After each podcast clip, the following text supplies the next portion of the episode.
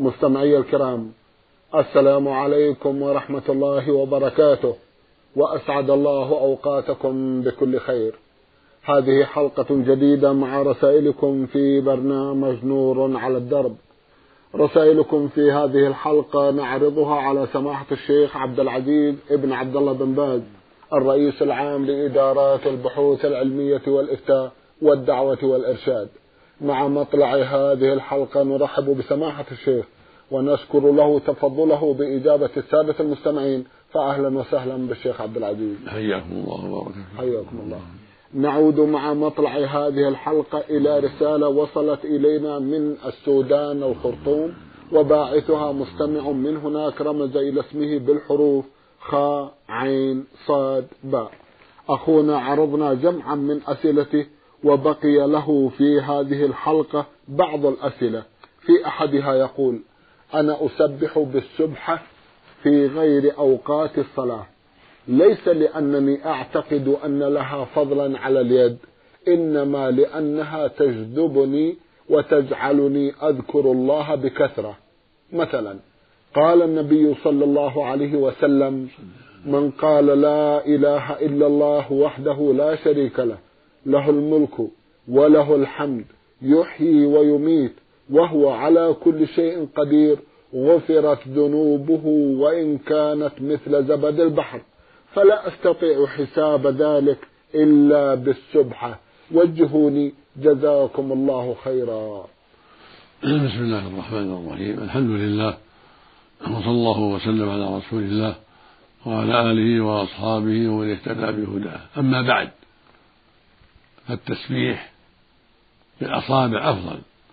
وكان النبي صلى الله عليه وسلم يعد في التسبيح والتحميد والتكبير بأصابعه عليه الصلاة والسلام. وكان يأمر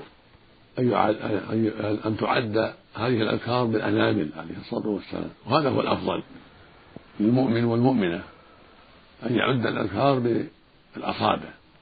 وإن عدها بالنوى النصب أو بالحجر أو بغير ذلك أو بالسبحة فلا بأس. قد روي عن كثير من السلف أنهم كانوا يعدون بالنوى وبغير ذلك من أنواع ما يعد به. فلا حرج في ذلك. ولكن الأفضل أن يكون العد بالأصابع. وإذا فعل هذا في بيته بالنوى أو بالسبحة أو غير ذلك فلا حرج في ذلك. ولكن في المساجد وبين الناس الأفضل له والمتأكد في حقه أن يعد بالأصابع كما فعل النبي صلى الله عليه وسلم وأصحابه رضي الله عنهم. ولأن حمل المسبحة معه في المساجد وغيرها قد يفضي إلى الرياء فينبغي له ترك ذلك وأن تكون المسبحة أو غيرها مما يعد به في البيت. تعينه على الذكر لا حرج في ذلك. ولكن مهما كان فعده بالأصابع أفضل. تأسم بالنبي صلى الله عليه وسلم وبأصحابه رضي الله عنهم. نعم. جزاكم الله خيرا. ثبت. نعم. وأوصي إخواني جزاكم العناية بالذكر صباح ومساء. فإن الأمر عظيم والفائدة كبيرة. يقول النبي صلى الله عليه وسلم الحديث الصحيح من قال لا إله إلا وحده لا شريك له له الملك وله الحمد وهو على كل شيء قدير في يوم مئة مرة. كانت له عدل عشر رقاب يعني يعتقها. وكتب الله له مئة حسنة ومع عنه مئة سيئة. وكان في حزن من الشيطان في يومه ذاك حتى يمسي. ولم يأتي أحد بأفضل مما جاء به إلا رجل عمل أكثر من عمله هذا فضل عظيم. فأنا أوصي كل مؤمن وكل مؤمنة بأن يأتي بهذا الذكر كل يوم. وإذا كان في أول الصباح كان أفضل. حتى يحصل له هذا الخير العظيم في جميع النهار. يقول صلى الله عليه وسلم من قال لا إله إلا الله وحده لا شريك له له الملك وله الحمد وهو على كل شيء قدير. يعني في رواية أخرى يحييه ويميت بيده الخير وهو على كل شيء قدير. مئة مرة. كانت له عدل عشر رقاب وكتب الله له مئة حسنة. ومع عنه مئة سيئة. وكان في حز من الشيطان في يومه ذلك حتى يمسي. الله أكبر. ولم يأتي أحد بأفضل مما جاء به إلا رجل عمل أكثر من عمله متفق على صحته. وقال من قال سبحان الله مئة مرة حطت عنه خطاياه وإن كانت مثل زبد البحر. متفق عليه. وفي رواية مسلم من قال حين يصبح وحين يمسي سبحان الله وبحمده مئة مرة. في رواية أبي داود بسند الصحيح سبحان الله العظيم وبحمده مئة مرة. حط عنه خطاياه وإن كانت مثل زبد البحر هذا فضل عظيم. ينبغي أن يحرص على هذا. سبحان الله العظيم وبحمده مئة مرة. صباح ومساء. يأتي بلا إله لا إله إلا وحده لا شريك له الملك وله الحمد وهو على كل شيء قدير مئة مرة. في النهار في أول النهار في أثنائه كله خير. وقال أيضا عليه الصلاة والسلام من قال لا إله وحده لا شريك له له الملك وله الحمد وهو على كل شيء قد عشر مرات كان كمن اعتق أربعة أوس من ولد إسماعيل. متفق على صحته. هذا فضل عظيم. ينبغي للمؤمن أن يكثر من هذه الأذكار العظيمة لما فيها من الفائدة. وقال عليه الصلاة والسلام كلمتان خفيفتان على اللسان ثقيلتان في الميزان حبيبتان إلى الرحمن سبحان الله وبحمده سبحان الله العظيم متفق على صحته. فهاتان كلمتان لها شأن عظيم لهما شأن عظيم سبحان الله وبحمده سبحان الله العظيم. ينبغي الإكثار منهما في ليلك ونهارك. وفي الطريق وفي كل وقت. سبحان الله وبحمده سبحان الله العظيم. يقول فيهما النبي صلى الله عليه وسلم كلمتان خفيفتان على اللسان ثقيلتان في الميزان حبيبتان الرحمن. سبحان الله وبحمده سبحان الله العظيم. ودخل يوما على بعض أزواجه عليه الصلاة والسلام. وهي في مصلاها بعد صلاة الفجر دخل عليها الضحى. فقال ما زلت في مصلاك منذ اليوم منذ اليوم قالت نعم. قال لقد قلت بعدك أربع كلمات ثلاث مرات. لو وزنت بما قلت منذ اليوم لوزنتهن. سبحان الله العظيم وبحمده عدد خلقه. سبحان الله بنفسه سبحان الله زينة عرشه سبحان الله من الكلمات. هذه كانت الأربع. يكررها الإنسان ثلاث مرات. سمحت شيخ تتكرمون بإعادة سبحان الله العظيم وبحمده عدد خلقه. سبحان الله بنفسه سبحان الله زينة عرشه سبحان الله من الكلمات. أربع مرات. تعيدون الثانية. يكررها الإنسان ثلاث مرات. في الليل في النهار في الطريق في أي وقت. يقول صلى الله عليه وسلم لإحدى زوجاته لقد قلت بعدك أربع كلمات ثلاث مرات. لو وزنت بما قلت منذ اليوم من الصباح إلى ارتفاع الضحى لوزنتهن. سبحان الله العظيم وبحمده عدد خلقه. هذه واحدة. سبحان الله بنفسه اثنتين سبحان الله زنة عرشه ثلاث. سبحان الله من الكلمات هذه الرابعة. ينبغي للمؤمن والمؤمن تكرار هذا والإتيان بهذا. سبحان الله العظيم وبحمده عدد خلقه. سبحان الله بنفسه سبحان الله زينة عرشه. سبحان الله مداد كلماته. فضل عظيم وخير كثير. نسأل الله للجميع التوفيق. نعم. اللهم آمين. جزاكم الله خيرا وتقبل منكم. يسأل أخونا سؤال مطول حول سنة إعفاء اللحية. فيقول سماحة الشيخ هل ثبت عن رسولنا الكريم محمد صلى الله عليه وسلم أنه قال قصوا الشوارب وأعفوا اللحى؟ وهل معنى هذا أن نترك اللحية تنمو وتكبر ولا نحلق أو نقص منها أي شيء؟ فإن كان ذلك هو الحال فإنها ستصبح غري فإنها ستصبح غزيرة لدرجة كبيرة. وحدثونا عن الشارب هل يقص من الأطراف أم من الوسط أم من جميع أجزائه أم يترك؟ وما هو الحال بالنسبة للمنطقة الوسطى التي بين الشارب واللحية؟ ثبت عن رسول الله صلى الله عليه وسلم في الصحيحين البخاري ومسلم وهما أصح الكتب بعد القرآن. هذان الصحيحان صحيح البخاري وصحيح مسلم هما أصح الكتب بعد كتاب الله عز وجل. ثبت فيهما عن النبي صلى الله عليه وسلم أنه قال وسط الشوارب وأعفوا اللحى خالف المشركين. من حديث ابن عمر عن النبي صلى الله عليه وسلم. وسط الشوارب وأعفوا اللحى خالف المشركين. وفي اللفظ الآخر وسط الشوارب ووفروا اللحى خالف المشركين.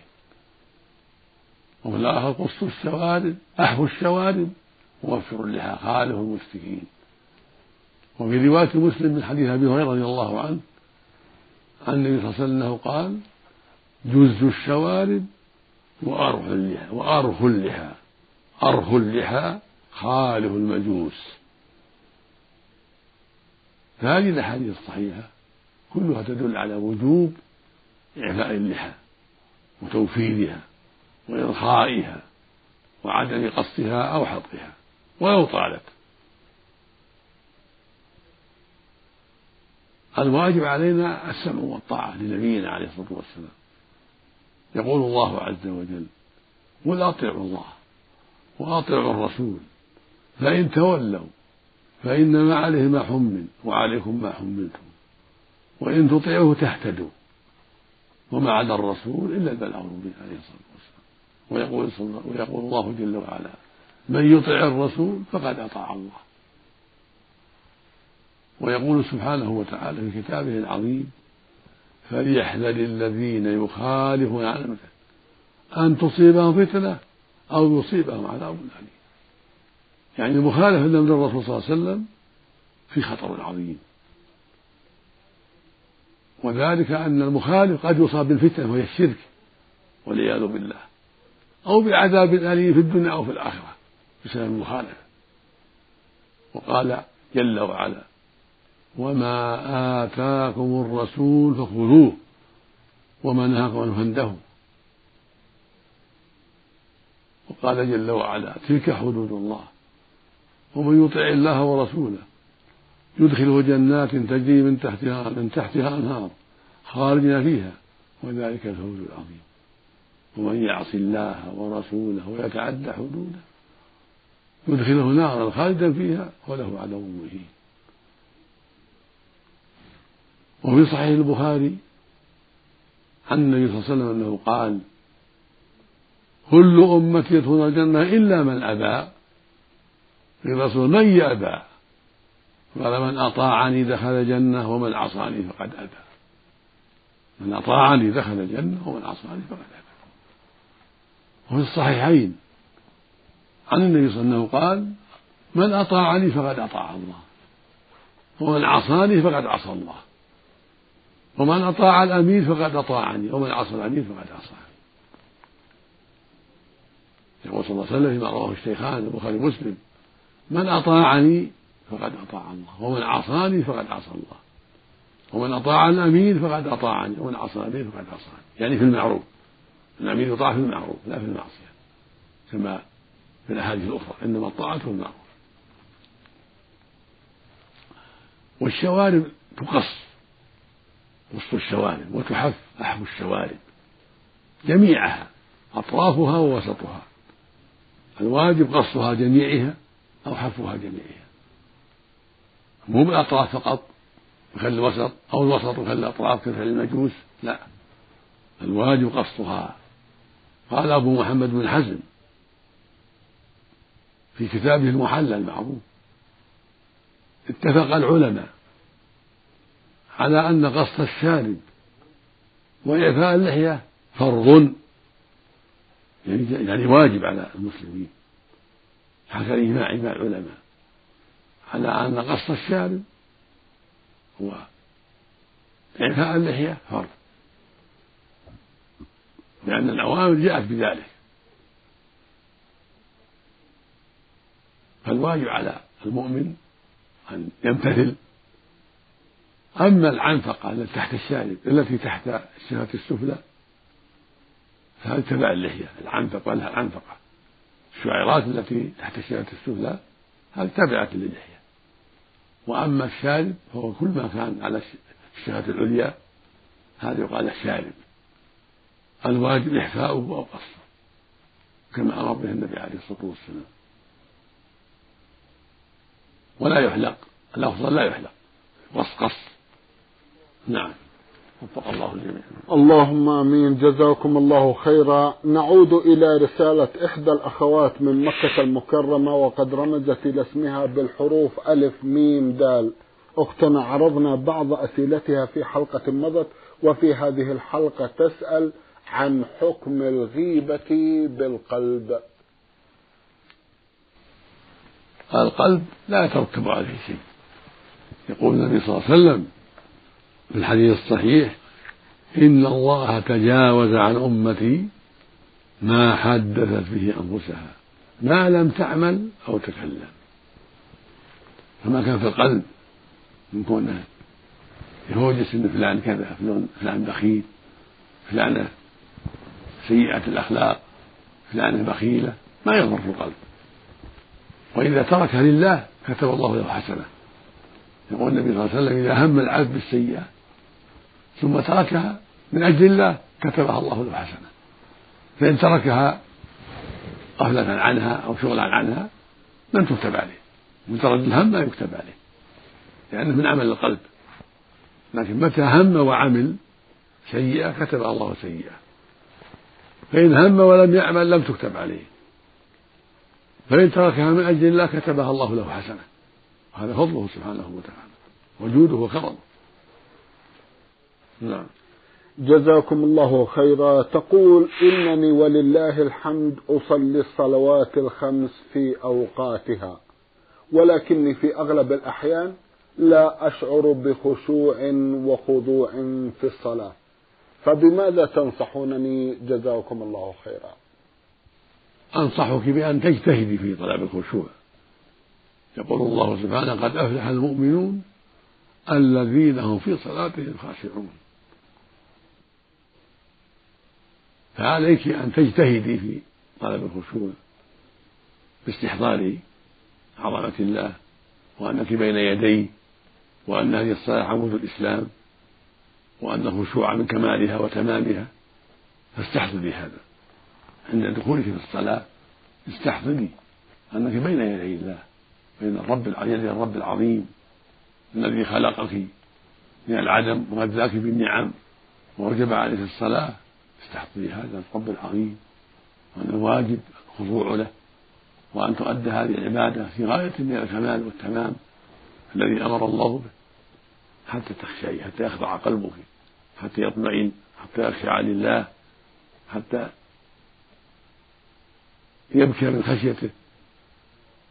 استحضري عظمة الله وكبرياءه وأنه ربك وإلهك وأن هذه الصلاة عمود الإسلام. وأنك كلما خشعت فيها زاد أجرك وزاد ثوابك. ومتى جاهدت نفسك حصل الخير كله. ولكن لا يضر. الصلاة صحيحة. ولو كان فيها بعض النقص بسبب عدم الخشوع الكامل لكن لا يضر الصلاة. صلاة صحيحة. إنما ينقص الأجر. كل ما زاد الخشوع زاد الأجر. وكلما ضعف الخشوع ضعف الأجر. حتى قال النبي صلى الله عليه وسلم إن الرجل لا يقوم في الصلاة لا يكتب له إلا نصفها إلا ثلثها إلا ربعها إلا خمسها إلا سدسها إلا سبعها إلا ثمنها إلا تسعها إلا عشرها. بسبب الخشوع وعدمه كلما زاد الخشوع زاد الأجر. وكلما نقص الخشوع نقص الأجر. والصلاة مجزئة. وفق الله الجميع. اللهم آمين. جزاكم الله خيرا. تسأل وتقول هل يجوز للحائض دخول المسجد؟ وإذا كان الدم قد انقطع عنها ولكنها لم تغتسل بعد فما الحكم؟ إذا كان الدخول لحاجة تأخذ حاجة من المسجد تأخذ سجادة من المسجد تأخذ عصا تأخذ نعلين تأخذ حاجة من المسجد لا بأس. أما الجلوس فيه لا تجلس. النبي صلى الله عليه وسلم قال لعائشة ناولي الخرة. الحصير اللي يصلي عليه سجادة. قالت يا رسول الله إني حائض. قال إن حيضتك ليست في يدك. فأمرها بالدخول وأخذ الخمرة يعني الحصير وهي حائض. وقال الله جل وعلا في هذا المعنى ولا جنوبا إلا عابر سبيل. والجنوب كالحائض. لا يدخل المسجد إلا عابر سبيل لا يجلس. فأذن الله في عابر السبيل يمر مرور. يأخذ حاجة ويمر سواء من الجنوب أو حائض أو نفسه أما الجلوس لا. جاء في الحديث يقول صلى الله عليه وسلم إني لا أحل المسجد لحائض ولا جنوب. يعني جلوس فيه. ولهذا قال سبحانه ولا جنوبا إلا عابر سبيل نعم. جزاكم الله خيرا. تسأل وتقول بعض الآباء إذا تقدم لبناتهم خاطب لا يزوجونه بحجة أن الفتاة لا تزال صغيرة أو لأنها لا تحسن أعمال المنزل فهل من كلمة إلى مثل هؤلاء الآباء؟ نعم وصيتي للآباء ولجميع الأولياء من إخوة وبني إخوة وأعمام نوصي الجميع بأن يتقوا الله في مولياتهم من البنات والأخوات وبنات الأخ وبنات العم. نوصي الجميع بأن يتقوا الله فيهن وأن يحرصوا على تزويجهن متى جاء الخاطب كفر ولو كانت غير متعلمة تتعلم من زوجها. ما دامت أهلا للزواج وتتحمل الزواج بنت خمسة عشر بنت ستة عشر بنت سبعة عشر أكثر تتحمل الزواج تقوى على الزواج. فالواجب أن يجاب الخاطب بمشورتها ورضاها. تستشار فإذا سكتت وهي بكر كان ذلك. النبي عليه الصلاة والسلام قال إذنها سكوتها. أما إن كانت ثيبة يعني قد تزوجت فلا بد من الإذن اللفظي تقول نعم لا بأس. والواجب على الولي أن يتقي الله وأن يحرص على تزويج الفتاة. فإن جلوسها بدون زوج فيه خطر عليها. فلا يجوز التساهل في هذا الأمر. والواجب على الآباء أيضا الحرص على تزويج الأبناء. إذا قدروا على ذلك لأن جلوس الولد بغير زواج فيه خطر عظيم. فالواجب على الأب أن يزوجه وأن يجتهد في تزويجه. ولو تساهل ولد يلزمه بالزواج. جاهدوا حتى يتزوج حتى يسلم من الفتنة.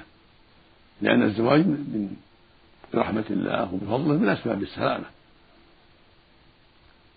يقول النبي صلى الله عليه وسلم في الحديث الصحيح يا يا معشر الشباب من استطاع منكم الباء فليتزوج. يعني مؤونة فإنه أغض للبصر وأحصن للفرج ومن لم يستطع فعليه بالصوم فإنه له وجه. فأمر صلى الله عليه وسلم الشباب بالزواج. وقال إنه غض البصر وأحسن الفرج. وهذا يعم الفتاة والذكر يعم الشباب من الذكور والإناث. فالواجب على الآباء وغيرهم أن يعتنوا بتزويج بنيهم وإخوتهم. إذا تأهلوا للزواج وقدروا على تزويجهم من أموالهم أو من أموال المزوجين. لا يتساهلوا بهذا إن كان ابنه غنيا جاهد حتى يتزوج. وإن كان فقيرا زوجه من ماله إذا كان الولي غنيا. وهكذا البنت إذا خطبها كفو زوجها. وإذا تيسر يخطب لها هو يلتمس. هذا طيب. يلتمس من الشباب الطيبين يقول يا فلان أنا عندي بنت. أحب أن أزوجك إياها أو عندي أخت. إذا وافق الحمد لله. عمر هو أفضل الخلق بعد النبي صلى الله عليه وسلم وبعد الصديق. عمر أفضل الخلق. بعد نبي الله بعد الأنبياء وبعد الصديق.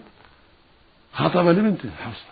لما خرج من عدة زوجها اللي مات عنها. عرضها على عثمان وعرضها على الصديق لفضلهما. فعثمان اعتذر والصديق سكت لأنه علم أن النبي صلى الله عليه وسلم له رغبة فيها فتزوجها النبي صلى الله عليه وسلم.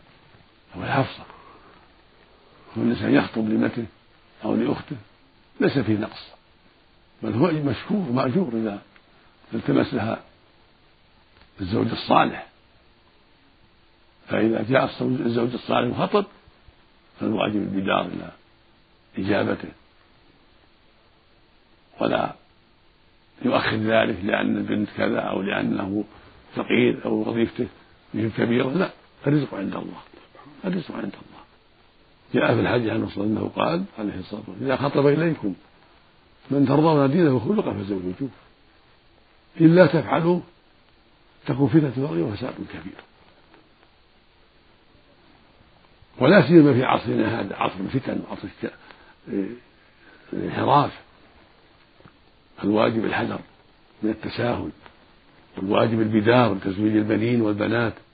إذا خطب البنات الأكفاء وتيسر الكفو ولو أن تخطب أنت لها ولو أن تلتمس لها أنت. وهكذا بنوك وإخوتك وبنو أخيك احرص على تزويجهم بالكلام والمشورة والنصيحة وبالمال إذا كانوا فقراء حسب طاقته. يقول النبي صلى الله عليه وسلم من كان في حاجة أخيه كان الله في حاجته. متفق على صحته. حديث عظيم. يقول صلى الله عليه وسلم من كان في حاجة أخيه كان الله في حاجته. فإذا كنت في حاجة أخيك في الزواج أو أختك أو بنتك فأنت على خير عظيم. أو أخيك أو ابن أخيك. ويقول جل وعلا وتعاونوا على البر والتقوى. فالتعاون على الزواج من التعاون على البر والتقوى.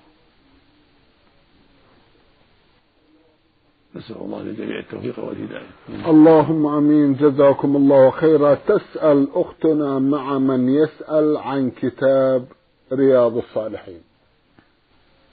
رياض الصالحين كتاب عظيم نفع الله به الأمة.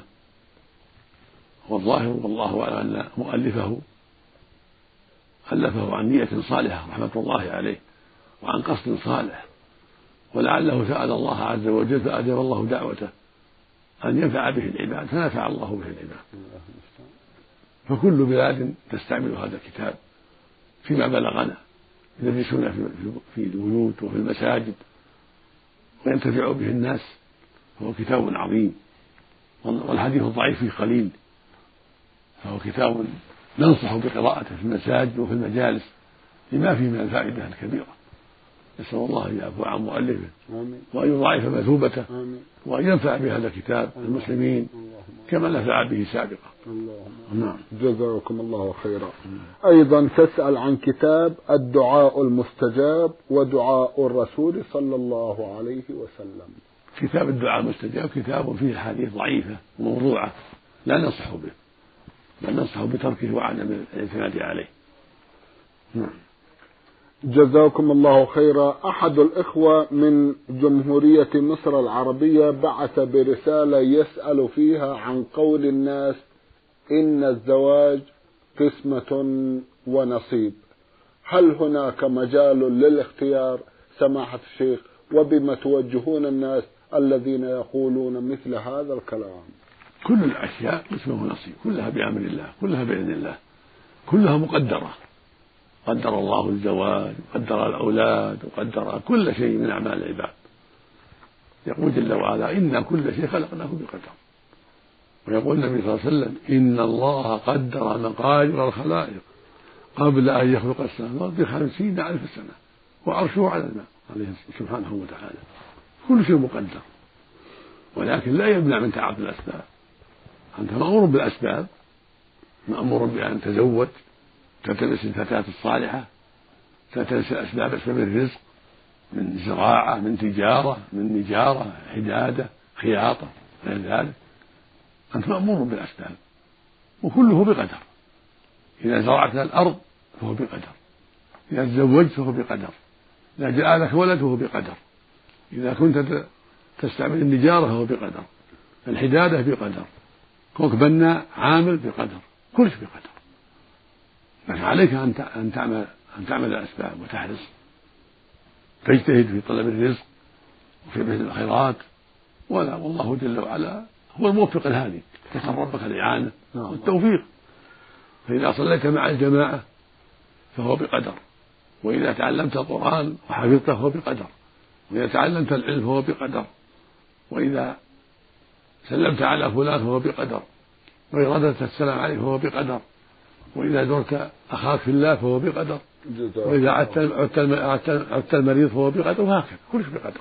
لكن أنت مأمور بتعاطي الأسباب النافعة والحذر من الأسباب الضارة. أنت مأمور بهذا. والله الموفق والهادي سبحانه وتعالى. جزاكم الله خيرا. سماحة الشيخ في ختام هذا اللقاء أتوجه لكم بالشكر الجزيل بعد شكر الله سبحانه وتعالى على تفضلكم بإجابة السادة المستمعين.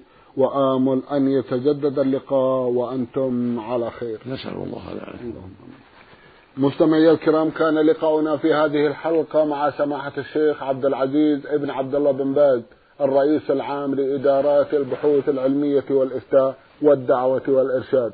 شكرا لسماحته. وأنتم يا مستمعي الكرام شكرا لحسن متابعتكم. وإلى الملتقى. وسلام الله عليكم ورحمته وبركاته.